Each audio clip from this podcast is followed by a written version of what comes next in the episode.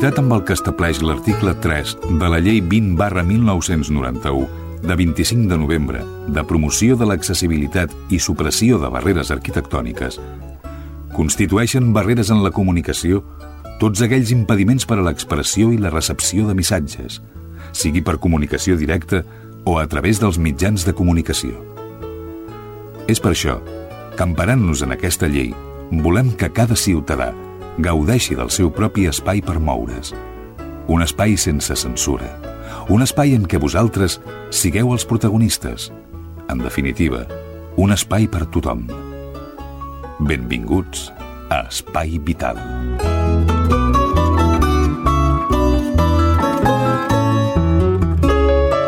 Senyores, senyors, què tal? Com estan? Benvinguts, ben trobats. Una jornada més, una setmana més, a la sintonia de les cinc emissores municipals coproductores de l'Espai Vital, a les que donem mm, la benvinguda, bon dia o bona tarda, depèn de l'hora que mateu aquest programa. Aquestes emissores són Cerdanyola, Ripollet, Montcada, Barberà i Santa Perpètua. Doncs molt bé, comencem amb el programa d'avui, anem per feina, eh, perquè encara tenim moltes coses a fer.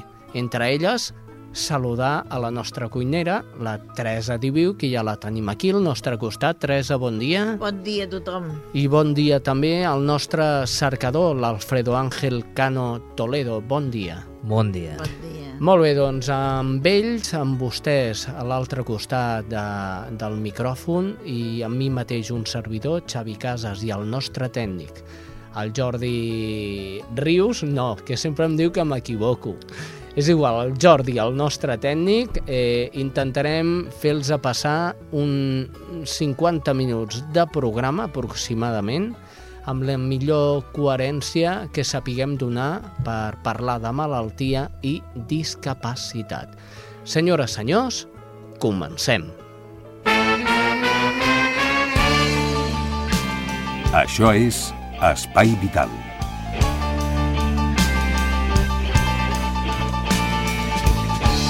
I la primera de les entrevistes que tenim preparades per avui és amb la Lucía Vallejo, no, amb l'Alicia Solà, ella és la directora del projecte de la web IO Digital. Mm, escolteu bé, IO Digital.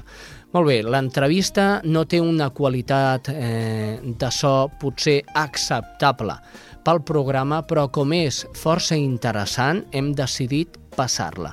Escoltem-la. La Fundació Pere Tarrés ha endegat una nova iniciativa comandada per la senyora Elisa Solà, que ella és la directora del projecte del web IO Digital. Amb ella podem parlar de què va aquest, aquest portal web, el per què es diu IO Digital i no mm, EO mm, Portal, per exemple, no? Doncs la saludem. Senyora Lisa Solà, què tal? Bon dia. Molt bon dia. Com se li va acudir a, a Lisa Solà la creació d'aquesta nova web? Bueno, bàsicament és, eh, nosaltres partim de la idea de que les noves tecnologies tenen un potencial bastant gran per, per potenciar, justament per potenciar les capacitats de les persones amb discapacitat i per fer la seva vida una mica més fàcil. Però paradoxicament hi ha una paradoxa i és que es converteixen en una barrera sovint, no? Mm -hmm. Llavors vam intentar partir d'aquesta idea de dir, bueno, utilitzem les noves tecnologies per superar barreres, per promoure la igualtat d'oportunitats, per fer front a certs reptes, i és així com va sorgir una mica, no? Vam decidir fer un espai web que fos de molt fàcil ús, o sigui, que es pogués utilitzar d'una manera molt fàcil, que fos accessible pels diferents col·lectius de persones amb discapacitat, que fos accessible no només en el seu front office, sinó en el seu back office, és a dir, tot, tot el gestor de continguts també ho és, i així va sorgir una miqueta en, en, aquest, en aquesta base i en aquesta base. No sé si m'he explicat bé. I la veritat, sí, sí t'has explicat. I la veritat és que és una web per persones amb discapacitat i feta per persones amb discapacitat, un fet curiós. Bueno, eh, el, que hem, el que hem fet és, la idea va sorgir en, en el nostre departament, el Departament de Projectes Socials de la Fundació Pere Tarrés, però el que hem fet és constituir un equip interdisciplinar per poder portar a terme el projecte. És a dir, hem, hem comptat amb la col·laboració de la Salle, que s'han encarregat de fer el test d'usabilitat, i en aquest test d'usabilitat han participat 60 persones amb discapacitat. Hem vist com naveguen aquestes persones i com, com es plantegen davant d'una web i en funció d'aquestes necessitats s'ha fet el disseny de la web.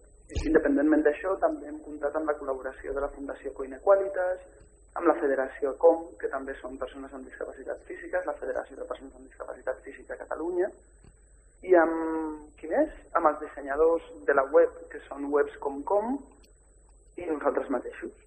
Molt bé. Un... I la xarxa CEPAC, sí, la xarxa interuniversitària CEPAC. Uh -huh. Deia que un portal web que s'ha presentat aquest passat 6 de novembre a l'Auditori de la 11 de Barcelona. Suposo que una presentació plena de gom a gom i amb autoritats.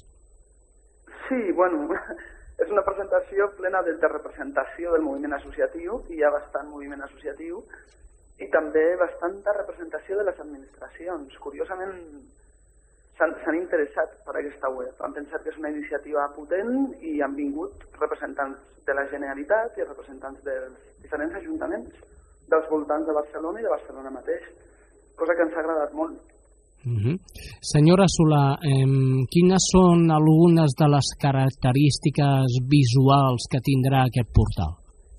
Bueno, bàsicament jo crec que és de, que és de destacar, sobretot, aquest fet de que hem fet el front office accessible, és a dir, tu entres en una pàgina que és molt accessible i pots observar i pots consultar un contingut d'una manera accessible i que el seu back office, és a dir, el gestor de continguts, també ho és. O sigui, aquest és un valor afegit que m'agradaria destacar perquè és més un dels potencials que té aquest espai web. És a dir, nosaltres hem creat l'eina, hem creat una eina que no deixa de ser una llavor, en un camí que, que encara hi ha molt per caminar i molt per fer, que volem deixar en mans del moviment associatiu. M'entens? O sigui, volem que les associacions de persones amb discapacitat gestionin aquesta web, puixin ells els continguts que creuen necessaris i canvin les qüestions i les coses que creuen necessàries de canviar. Uh -huh. I en aquest sentit, podríem dir que serà una web que s'anirà actualitzant puntualment cada dia? Sí, no, no, no tant cada dia, sinó que ara el que hem fet és una primera etapa, el que et dic, hem, hem, hem tingut una subvenció pels anys 2007 i 2008 del Ministeri d'Indústria en el marc d'un plan avança i hem, hem fet la, el primer pas. Hem, hem deixat caure la llavor, com si diguéssim. No? Ara ens toca formar el moviment associatiu, que començarem ara mateix, uh mhm. -huh. a fer un curs de blogs i un curs de gestió de continguts, i difundir la web i generar molta més participació per part, per part del moviment associatiu. I també ens toca buscar més finançament per garantir que aquesta web no es, no es mori, no? perquè és interessant que, que continuï viva. I per això estem fent moltes accions i esperem que, que sigui així, no? que la participació estigui garantida i que molta gent participi i que generi molt d'interès. Uh -huh. Una pregunta que podia haver fet al començament del programa, que de fet l'he comentat però no l'he fet. Elisa, per què I-O digital? Atenció amb la S aquesta de digital, no digital. Bueno, vol volíem fer un joc de paraules amb això. I-O vol dir igualtat d'oportunitats, igualtat d'oportunitats, i digital no deixa de ser una barreja entre les, entre les paraules discapacitat mm -hmm. i digital. I aquesta va ser la idea una miqueta. No sé, no sé si llegint-ho es, ve, es veu tan clar, no? però, però va sorgir així. Uh -huh. La plana web es dirà les 3 W i o digital eh, punt és, eh, com. punt com, no? Ja la podem veure, ja la tenim present a tots a, a, a internet, a tots i cada un dels ordinadors dels usuaris que vulguin accedir-hi, no?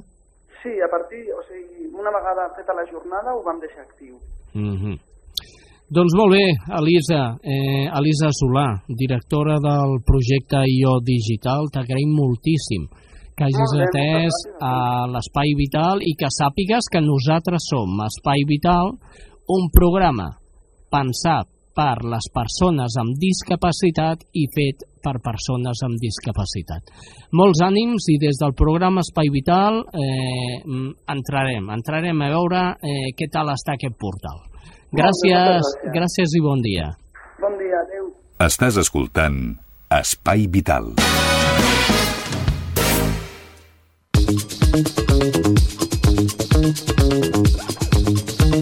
Senyor, sintonia roda informativa. Recordin, mm, repassem aquelles novetats a nivell sanitari a totes i cada una de les mm, poblacions que coprodueixen Espai Vital.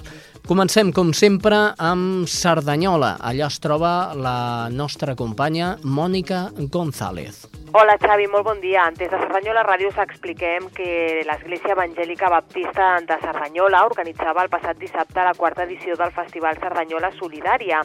El tema del festival era la commemoració del 60 aniversari de la Declaració dels Drets Humans i els guanys de la nit van estar destinats a la construcció d'un centre d'acollida per a nens discapacitats a Guiba, Burkina Faso.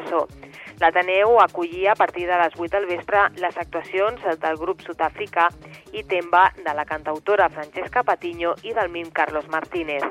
El pastor de l'Església Evangèlica, Daniel Banyuls, explica que Burkina Faso és el tercer país més pobre del planeta i el col·lectiu més desemparat són els infants, sobretot si són discapacitats, els que la societat no considera aptes per treballar i per als quals ni l'Estat ni les institucions tenen un programa d'atenció.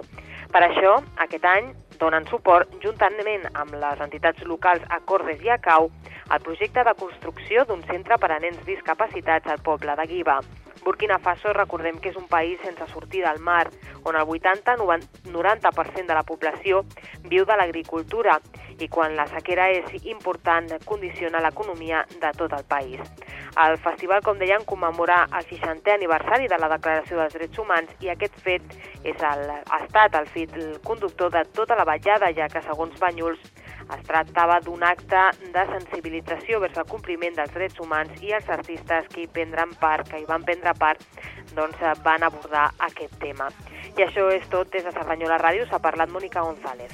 Gràcies, Mònica. Una setmana més ens tornem a trobar per aquestes notícies curioses sanitàries importants per la roda informativa del programa Espai Vital. Molt bé, doncs després de Cerdanyola anem una miqueta a prop, precisament a Ripollet, on es troba la Laia Prats. Hola, Xavi.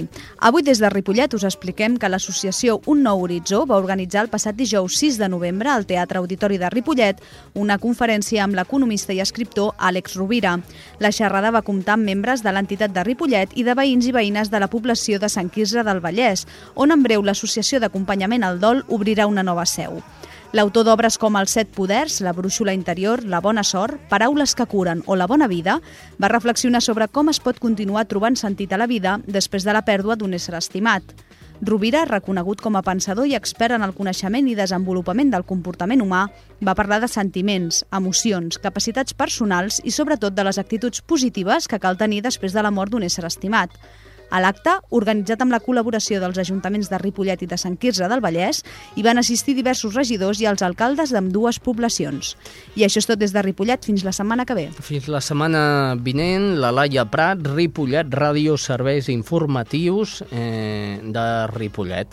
Doncs de Ripollet cap a Barberà, allà es troba avui no la Núria Cabrera, sinó el David Martín. Hola Xavi, avui des de Barberà us parlem de l'associació Gesdol que participa a la nostra ciutat i que ha estat la guanyadora del Premi Caixa Sabadell 2008. Gesdol, l'associació que presideix Xusa Serra i Llanes, que col·labora amb l'Ajuntament de la nostra ciutat conduint el grup de dol que s'ofereix des del programa per la igualtat de les dones, va ser una de les premiades en el projecte Atenció Social en el procés de malaltia, en el dol i la mort, aquest premi permetrà refermar i donar un important impuls a l'activitat que desenvolupen tant a la nostra ciutat com a d'altres del Vallès Occidental. Una de les primeres accions engegades ha estat dotar l'associació d'una línia 900, un servei gratuït, personal i confidencial que permetrà atendre les demandes relacionades amb situacions de malalties greus, dol i pèrdues per mort. Aquest nou servei facilitarà un accés ràpid i senzill a tothom que ho necessiti. A Barberà del Vallès està constituït un grup de dol conduït per una terapeuta del dol i la mort que se'n reuneix els dimarts de 3 a 5 de la tarda durant tot l'any. El grup és obert i per tant es poden incorporar les persones que estiguin interessades durant l'any i qualsevol persona que vulgui treballar el procés de dol relacionat amb la pèrdua d'un ésser estimat o el dol anticipat davant d'una mort propera. Per participar-hi només cal adreçar-se al Servei d'Atenció i Informació a les dones per concertar entrevista. I això és tot des de Ràdio Barberà. Doncs moltes gràcies. Eh, David Martín, gràcies i benvingut a la roda informativa de l'Espai Vital. Anem cap a Montcada. Com sempre, la nostra companya i amiga Sílvia Díaz és l'encarregada de passar-nos a la crònica d'aquesta setmana. Salutacions des de Montcada a l'Espai Vital. Avui us volem parlar de xerrades informatives que es faran al nostre municipi. La primera tindrà lloc demà mateix i l'organitza la Junta Local de l'Associació Espanyola contra el Càncer. L'entitat ha convidat a la Casa de la Vila el fisioterapeuta de l'Hospital de Sabadell, Albert Tenorio, per oferir una conferència sobre els linfademes i el seu tractament rehabilitador. Aquesta anomalia s'origina per l'acumulació excessiva de líquid ric en proteïnes en una extremitat com a resultat d'una sobrecàrrega del sistema linfàtic. Els linfademes són la seqüela més comuna del tractament del càncer de mama, donat que s'estima que una de cada quatre dones els desenvolupa, especialment aquelles que han sofert l'extirpació dels gànglics de l'axila i que, a més de la cirurgia, fan radioteràpia. Aquesta xerrada informativa relacionada amb el càncer de mama tindrà lloc demà a les 6 de la tarda a la Casa de la Vila. I preneu nota d'un altre acte d'agenda que es farà d'aquí a tres setmanes, però que és interessant que tingueu en compte si la temàtica us interessa. Es tracta d'un seminari sobre Alzheimer i altres demències que es faran els dies 25 de novembre i 2 de desembre, també a la Casa de la Vila, a dos quarts de set de la tarda. Són unes jornades que organitza l'Ajuntament amb el suport de la Diputació i l'Associació de Familiars d'Alzheimer de Barcelona. Doncs bé, aquesta és la informació d'avui des de Montcada fins la setmana vinent. Fins la setmana vinent, Sílvia. Anem cap a Santa Perpètua, per últim, amb Estrella Núñez per escoltar la crònica que ens acosta. Hola, Xavi. Salutacions des de Santa Perpètua de Moguda a tots els seguidors de l'Espai Vital. Avui us expliquem una bona notícia que afecta a la nostra gent gran i a l'habitatge. L'Ajuntament ha obert el període de presentació de sol·licituds per optar a l'adjudicació d'un pis en règim de lloguer per a la gent gran. A proper mes de febrer s'adjudicaran els 59 habitatges que l'Institut Català del Sol, l'Incasol, construeix a l'Avinguda de Jacint Verdaguer 38 destinats a aquest col·lectiu amb l'objectiu de garantir que puguin estar a casa i mantenir l'autonomia a un preu assequible. El termini de presentació d'instàncies finalitza el 3 de desembre, encara que des de la Regidoria d'Urbanisme s'ha informat que es podria prorrogar aquesta data de presentació de sol·licituds. L'Incasol i l'Ajuntament han aprovat les normes particulars del procés d'adjudicació de 59 habitatges en protecció oficial en règim de lloguer per a gent gran promoguts per l'Institut Català del Sol a Santa Perpètua. Els pisos es construeixen a l'Avinguda de Jacint Verdaguer i disposen d'una o dues habitacions amb sala d'estar menjador, cuina i bany. L'edifici consta d'aparcament opcional, amb sala polivalent relacional i servei d'atenció social. S'estima un lloguer aproximat d'entre 255 i 355 euros en funció de la superfície, sense comptar les despeses de comunitat que aniran a part. La regidoria d'Urbanisme de Santa Perpètua, Maria Ángeles Sánchez, ha informat que més d'un centenar de persones s'havien inscrits en el registre de sol·licitants i ara podrien optar a aquest habitatge. El període de presentació de sol·licituds s'ha obert el dilluns 3 de novembre i estarà obert fins al 3 de desembre. L'adjudicació dels habitatges està prevista per al mes de febrer. Les persones interessades poden adreçar-se a l'oficina local d'habitatge situada a l'Avinguda de Santiga, al costat del Mercat Municipal. Això és tot des de Santa Perpètua. Bona setmana, Xavi i companyia.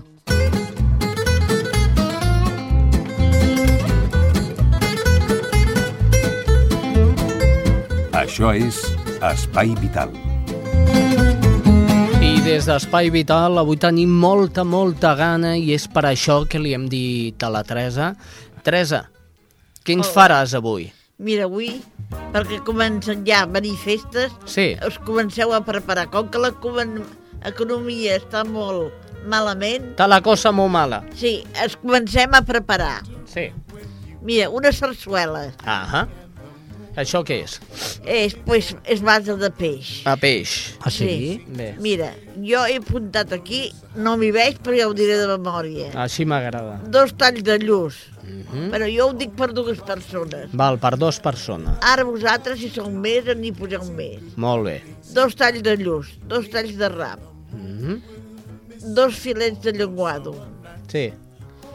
dues gambes, dos llagostins, dos escamarlans, un quart de quilo de calamars, que us ho tallin a rotllanes. Sí. Després, un quart de quilo de musclos que n'hi ha de congelats que ja estan oberts, allò que estan molt macos. Mhm. No us dic almejes perquè oh, no en tenen d'obertes, allò us ho hauríeu de fer al vapor. Però jo, com que no les puc obrir, no, no ho poso. Si voleu posar-ho, que us hi trebiu que vosaltres obrir-les, bueno, Val. es fan al vapor. Mm. Mm. Però els musclos ja estan oberts, allò que et donen només mitja parra on hi ha la polpa, vull dir, on hi ha el, el mejillón. Sí. Després agafeu una cueta petitona de rap i una cueta petitona de, de lluç. Molt bé. Una pastanaga, un porro, un parell de fulles de llaurer, uns quants grans de, de pebre, Sí. que això, tot això, ho feu bullir, Molt bé. Tot això ho bullim. bullit. I, però després això s'ha de passar a un altre lloc. Bueno, el, bulliu les, la cua de rap i Sí. la de, de lluç, amb, les, amb la porro i la pastanaga, el llaurer i les...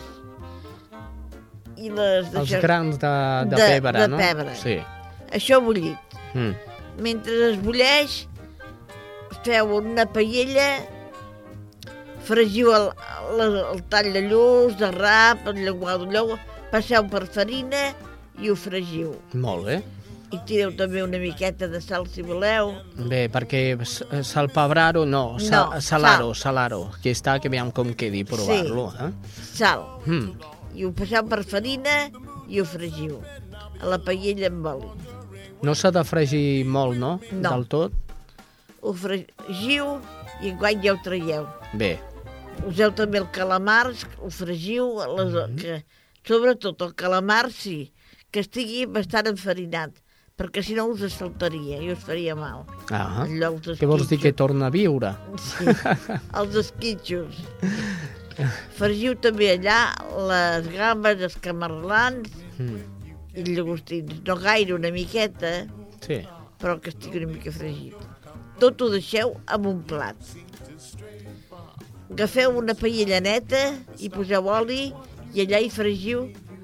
Agafeu dues llesques de pa de pagès o del que sigui de mig quilo, La qüestió és que hi hagi pa. sí, del dia abans. Molt I bé. el talleu a trossos, a daus, Perfecte. i el fregiu. La, amb la, el que és la part de fora del pa, la, la crosta, també. Sí, feu en daus. No es treu, però vull dir, la crosta no, No, es treu, no no? es treu. Molt bé. Jo és que m'ho vaig apuntar perquè avui haig de cuinar, Ah. saps? I per això. Val, Sí, la feu a daus molt bé. i la fregiu. Mm Com veieu que ja s'ha enrossit, amb una espàtula la traieu, la poseu en un plat amb un paper absorbent Sí. que es vagi eixugant a l- a l'oli. Després també fregiu una llesqueta de pa per fregir-la per fer la picada. Mm -hmm. Ja que teniu a punt a l'oli, doncs la fregiu. La parteu també. Bueno, ja tenim tot el tall fregidet i a part fem la picada. La picada, doncs mira, si voleu anar més de pressa, que no, no tingueu ganes de fer un morter allà a picar que no podeu estar drets, agafem un pot del mini pimer i posem una mica d'aigua d'aquesta calenta que tenim Ah. i la posem en el, en el mini pimer, en el pot, Però l'aigua la, del mateix bullir el peix, no? D'aquell peix, dir? sí. Sí, val, va. Mm -hmm. i posem una miqueta d'aigua i posem si, els alls, una mica de sal, un all, poseu un, un dent d'all, Molt bé. sal, sis ametlles, sis avellanes, sis pinyons i el pa aquest torrat, Molt bé. allò fregit. Mm. Ho posem allà dintre. I, un, i una mica de, de safrà. Ah, També és molt bo, que es dona color, però saps? que, que d'aquells d'ebres, no?, que en diuen... eh, D'ebres els introdueu són- ja molgut, molgut, que Ahà. sigui, que sigui bo, allò que sigui... Sí, sí, sí, que Que estigui ha, bé. que, sí. I ho poseu allà i tot molgut amb el mini pimer, Tot matxacat. tot matxacat. Molt bé. I en acabat, coleu aquella olla, traieu el peix, la pastanaga i el porro, ho traieu i els grans de, de pebre Mm. ja queda, ho poseu en una sopera, Sí. o bueno, no, deixeu mateix a l'olla si voleu, que en quart hi tirareu tot aquest suc allà dintre, que també faci una mica el xup-xup, Molt bé. que agafi el gustet de tot. Comenceu a preparar el plat. El plat doncs, poseu a cada comensal doncs, el peix corresponent, els musclos, tot en el plat. Sí. Després agafem un colador i ho posem a sobre una, una olla més maca o allò que tingueu. Una cosa que sigui curiosa de per presentació als comensals, no? Sí, Molt bé. allò que, una sopera que en diem en català. Mm Mhm, Sí. Posem allà, agafem un colador i colem aquell, aquell líquid, aquell caldo, aquella, aquella Ahà, aigua. sí. Ho colem perquè així ja no trobem res de... Ni gromos ni res d'això, no? Molt bé. I en cap, doncs, amb un cotxeró aneu posant a cada plat, ho acabeu d'omplir, Mhm. Pues, el peix que hi hagi en el plat. I en quart per sobre hi poseu aquell pa tallat a trossets fregidet per sobre. Ahà. I així teniu un bon plat calent i d'alimentació. Si el peix, us ho dic així abans, perquè si ho compreu congelat, doncs podeu comprar-lo abans, que no us sortirà tan car. Ara, el qui pugui comprar fresc, o compri fresc. Això a gust del consumidor.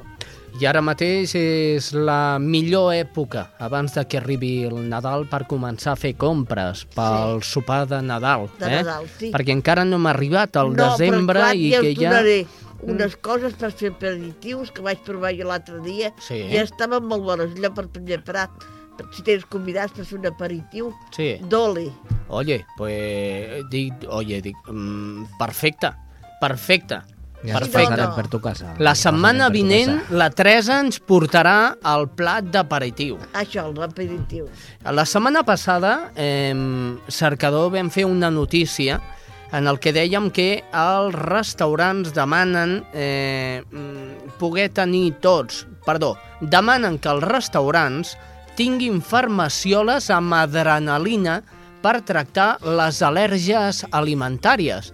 Aquesta setmana, el nostre col·laborador habitual, Jordi Jorba, ha sortit amb la gravadora i ha anat a cercar el president del Gremi d'Hostaleria del Vallès Occidental i Barcelonès, l'Enric Gené. Doncs mira, si us sembla bé, anem a escoltar l'entrevista de, del Jordi Jorba I i l'Enric Gené. Enric Genés, el president de la Federació Intercomarcal d'Hostaleria i Restauració.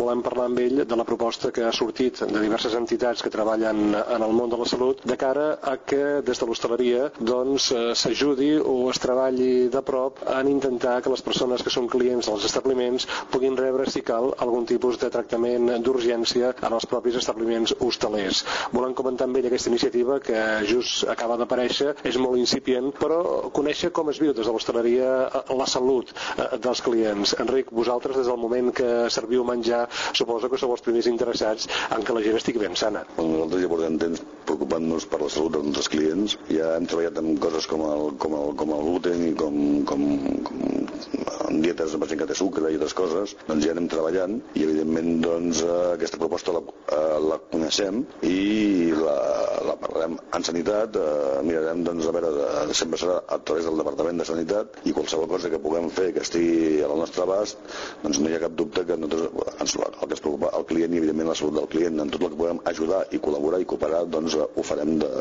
gustosament. Perquè el que sí que és cert és que el vostre mm, personal és un personal que està format eh, sanitàriament en tot allò que pertoca i fins allà on ha d'estar format. Eh, hi ha algunes accions eh, que ha de dur a terme una persona formada sanitàriament, com per exemple doncs, subministrar algun tipus de medicament o el que sigui, que això suposo que quedarà molt lluny del que pugui fer un cuiner, un cambrer o qualsevol altra persona que treballa en un restaurant o en un bar. El nostre personal està format en moltes coses i cada cop està més format i cada cop tenim més formació. Està format des de la manipulació dels aliments, des de l'anàlisi de control i punts crítics, des de els plans de neteja, tot el que representa, des de com es han de conservar els aliments, en fi, s'han fet cursos de formació mm, mil sobre això i segueix formant a la gent sobre que cada cop estigui en millors condicions eh, l'aspecte sanitari de, de, del menjar que s'ofereix i si tenim que anar una mica més enllà i hem de fer altre tipus de cursets i de formació en plans doncs, que vagin una mica més enllà de cara doncs, a atendre altres tipus de, de problemes que es puguin presentar sanitaris en un establiment, doncs també col·laborarem i també ho farem perquè ara mateix, Enric, el que és la legislació que us afecta a l'hostaleria eh, marca que hagueu de tenir algun tipus de formació a, als locals per si cap persona, eh, sigui client o sigui treballador o treballadora del, del local, tingui algun problema sanitari i la podeu atendre, o, o en el cas de que passés, doncs ràpidament trucar a emergències que vinguin a buscar-la? A veure, la forma, a veure,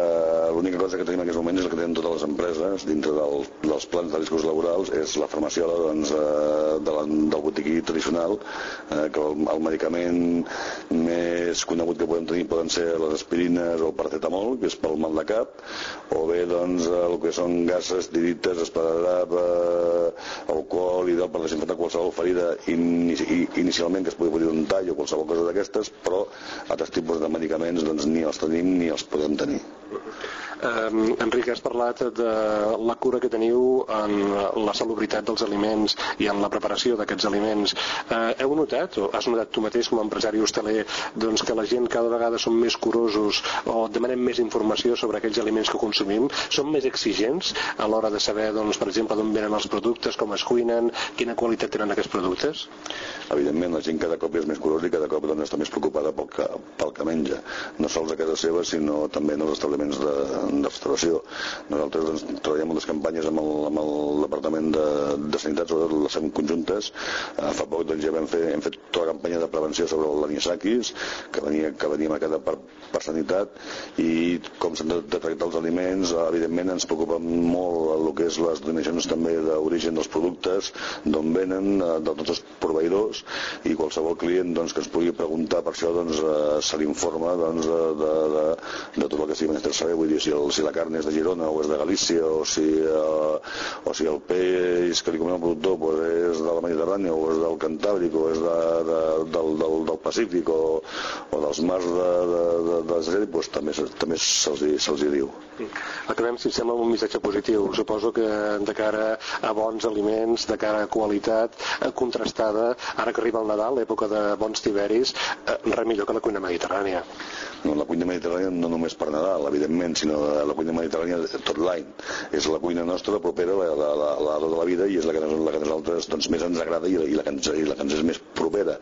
La cuina mediterrània és molt àmplia, és molt àmplia, des de, des de, des de el més conegut és bueno, tractar amb, oli, amb els olis d'olives eh, els aliments i tot el que és a base d'amanides, planxes i tal, però clar, quan ve Nadal doncs també eh, el marisc, eh, gambes a la planxa, eh, llagosta i camarlans i tot això que es pugui fer i boques i tot això doncs una gran part del marisc i de les mariscades i també doncs, algun tipus de tracte de les cars com les batalles amb bolets que ja és la temporada que, que es guarden per Nadal i això doncs, també eh, s'inclou dintre de, de, de la dieta mediterrània també incloent dintre, dintre de la dieta mediterrània els, els bons vins del Mediterrà i també els bons, els bons caves eh, catalans acabem l'entrevista amb Salivera, a la Salivera que ens fa venir el que ens comentava l'Enric Gené.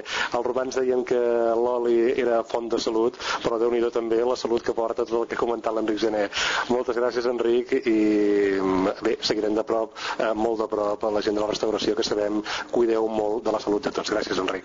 Gràcies a vosaltres. Estàs escoltant Espai Vital.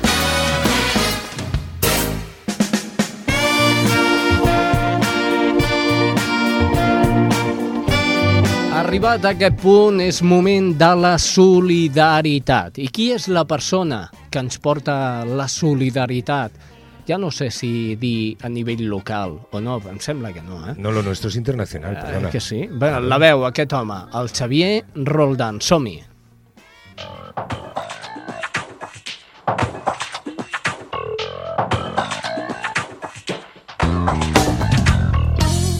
Molt bé, ja comences a conèixer la solidaritat amb Xavi Roldán. Xavi, ¿qué tal? Bien, bueno, eh, andamos un poco despistados con todo este gran tema de la crisis, ¿sabes?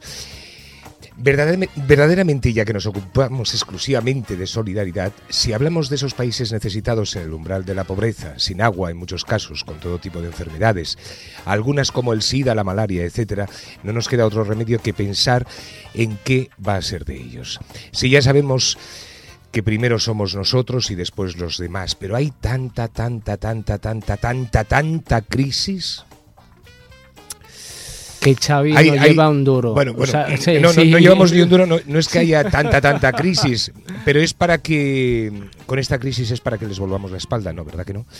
Nos llegan noticias de que cada tres segundos eh, mueren en el mundo eh, un niño de hambre, cada tres segundos.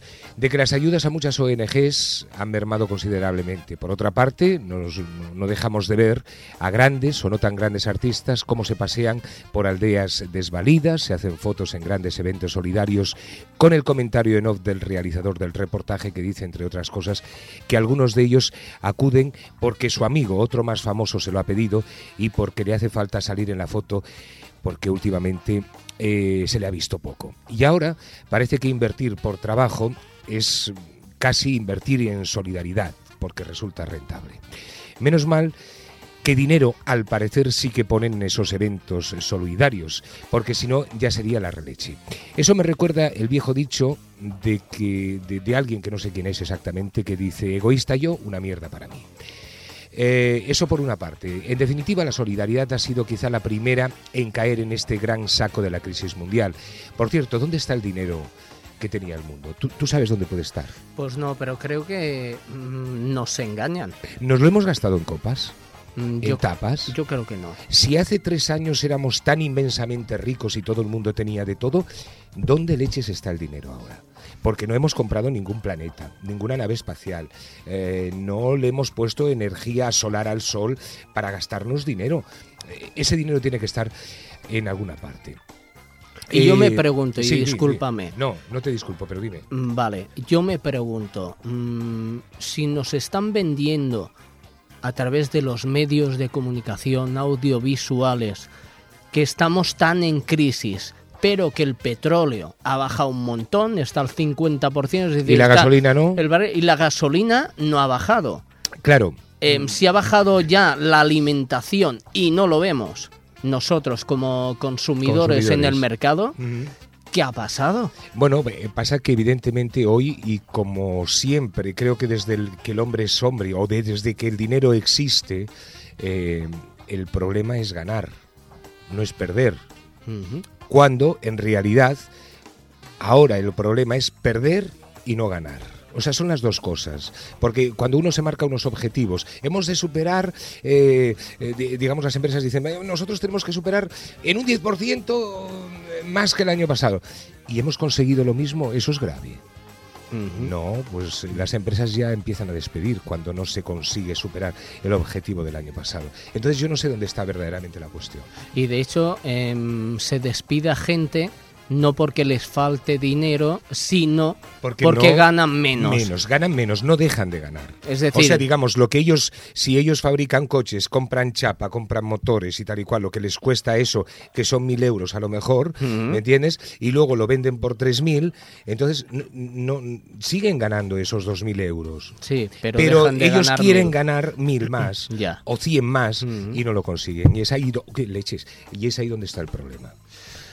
Bueno, continúo y lo digo para no hacerlo largo. ¿eh? No, dime, dime, sí. Eh, por cierto, que queríamos felicitar desde aquí, desde Spy Vital, a Pedro Alonso por el Premio Príncipe de Asturias en su lucha incansable contra la malaria y por sus investigaciones que ya son un hecho para que esa vacuna tan esperada contra la malaria sea una realidad dentro de poquitos años. Y por último, aconsejarles un libro que bajo el título, yo no sé si esto lo he llegado a comentar, aquí en Spy Vital, pero me gusta recordarlo porque mm, es más, yo, yo lo voy a aconsejar, pero todavía no lo he comprado porque no lo he encontrado. ¿eh? Tengo, Ah, que, sí. tengo que hacerme un viaje por Barcelona a ver si lo encuentro. Aconsejarles un libro que bajo el título de Monjas se ha publicado no hace mucho y en el que se cuentan diferentes experiencias de varias monjas que han dado y siguen dando su vida por ayudar a los que verdaderamente lo necesitan. Uno de esos casos es el de una monja que está viviendo a sus sesenta y tantos años con indigentes en Barcelona, durmiendo con ellos, compartiendo ese día a día y que solo con verlo sabemos que no es nada motivador. Cada vez eh,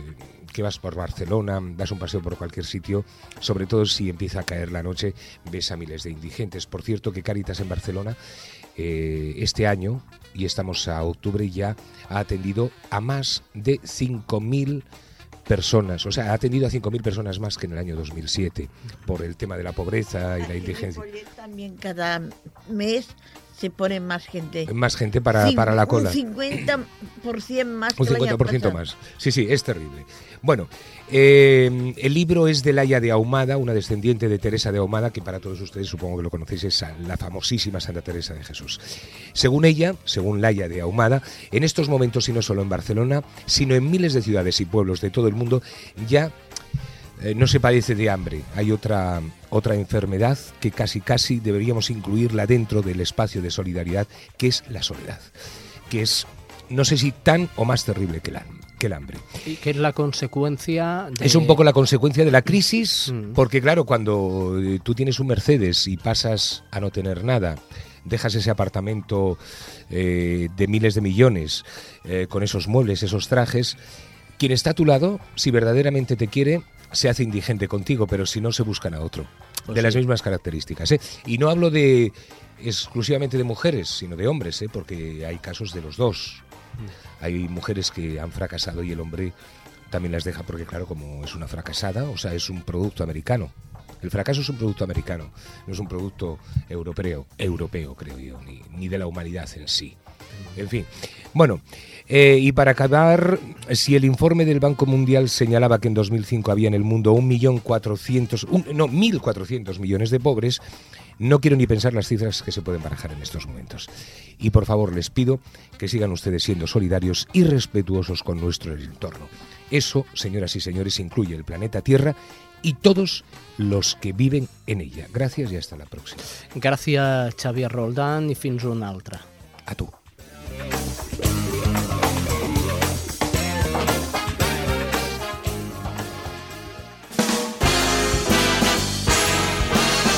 Estàs escoltant Espai Vital.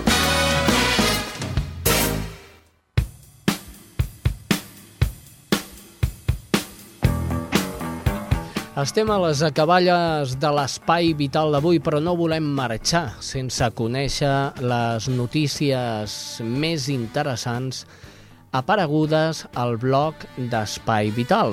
Recordin, radio-espai-vital.com www.blogspot.com doncs molt bé, aquest blog eh, té unes notícies molt interessants i el nostre cercador, que és l'Alfredo Ángel Cano Toledo, n'ha seleccionat tres de molt interessants. Us recomano la visita tant del blog com eh, l'escolta que fareu de les notícies que ens porta el cercador. Cercador, benvingut. Hola, Xavi, què tal? Què tenim? En primer lloc, eh, una notícia que parla de l'alimentació. Es detecten més trastorns alimentaris en nens, gent gran i homes. Els trastorns alimentaris, com ara la bulímia o l'anorèxia, s'han relacionat tradicionalment a les dones joves. De fet, el perfil de les persones que pateixen aquestes malalties és el d'una noia d'uns 23 anys, l'Institut de Trastorns Alimentaris, ITA, però ha detectat que aquest perfil està canviant i cada vegada hi ha més nens, gent gran i homes que les pateixen. Molt bé, anem per la segona notícia que ens porta al cercador. De fet, ja ha passat una xerrada informativa sobre la llei de dependència. Anem a saber de què anava això. El passat dimarts, dia 11 de novembre, es va realitzar a l'Auditori Municipal de Montcada una xerrada informativa sobre la llei de dependència. Amb aquesta xerrada es va informar a la població sobre l'aplicació pràctica d'aquesta llei que se portava a terme al municipi de Montcada. Molt bé, una xerrada força interessant que va tenir l'assistència de diferents... Sí, dos... Eh diguem, dues associacions externes a Montcada, Mhm. que era l'Espiral i Papes de Àlex, Sí. i la regidora de Serveis Socials i Salut, Mari Carmen González. A més de tota la gent que va assistir per escoltar la xerrada. Xerrada important. Xerrada sobre la dependència, la seva aplicació, com s'aplica la dependència, perquè n'hem sentit a parlar molt, i és aquello, se habla mucho, se hace poco, no? Efectivament. Doncs molt, una xerrada penso jo que força interessant. Anem a per l'última de les notícies del cercador. Diu, posen la primera pedra de les noves urgències dels germans Trias i Pujol de Badalona. Germans Trias, recordin, a l'hospital. L'Hospital Universitat de... i Germans Trias i Pujol han començat el que representa el que representarà en un parell d'anys l'inici d'una etapa en la que comptarà amb un servei d'urgència més amplis. Els treballs que simbòlicament han començat amb la col·locació de la primera pedra per part de la consellera de Salut, de Salut Marina Geli i l'alcalde de Badalona, Jordi Serra, suposin l'actuació més gran realitzada en aquest centre sanitari des de la seva posada en marxa ara fa un quart de segle.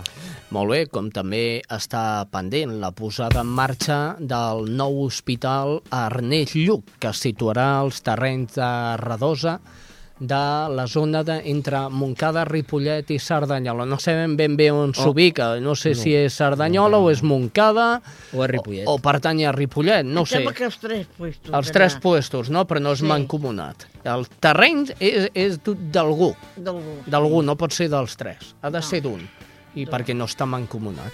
Molt bé, Alfredo Ángel Cano, gràcies, cercador, fins la setmana vinent. Gràcies a tu, Xavi. I gràcies també a la Teresa Diviu. Teresa, penso fer la sarsuela, eh? La penso Sí, fer. t'agradarà. Ja veuràs com sí. És Jo, un- un jo la penso escoltar. Jo la penso Ah, tu escoltar. escoltar, bueno.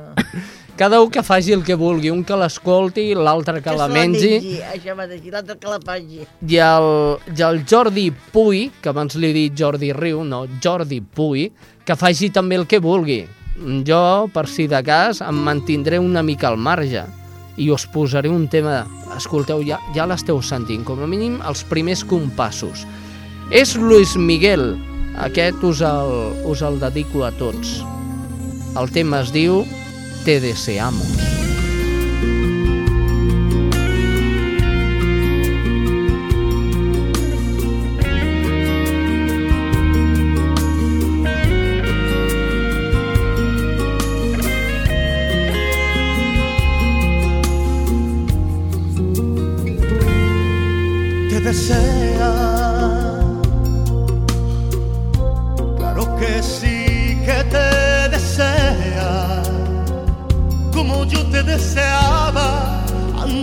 De que mía fueras. Te desea, te desea. Claro que sí que te desea quieren invadir tu cuerpo como invade el sol la tierra. Te desea,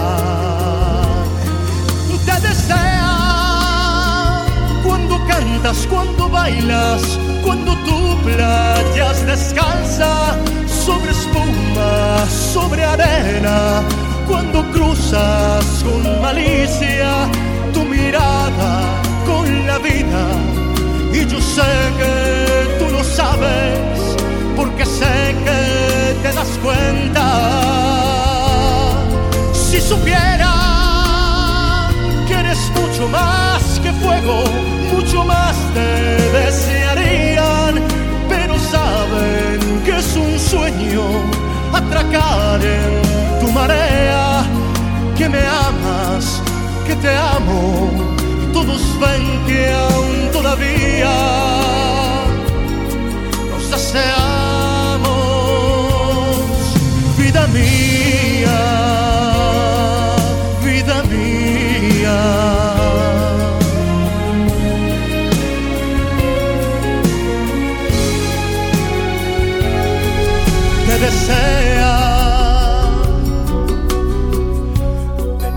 azul de pie a cabeza.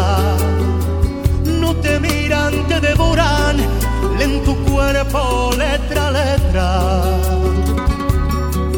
Te desean, te desean. Claro que sí que te desean.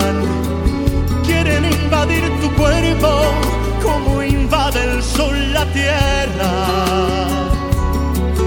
Te desean, te desean.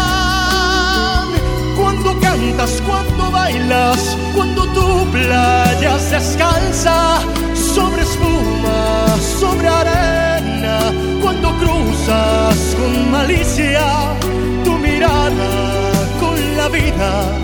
Y yo sé que tú lo sabes, porque sé que te das cuenta. Si supieran que eres mucho más que fuego, mucho más te desearían, pero saben que es un sueño atracar en tu marea, que me amas, que te amo, y todos ven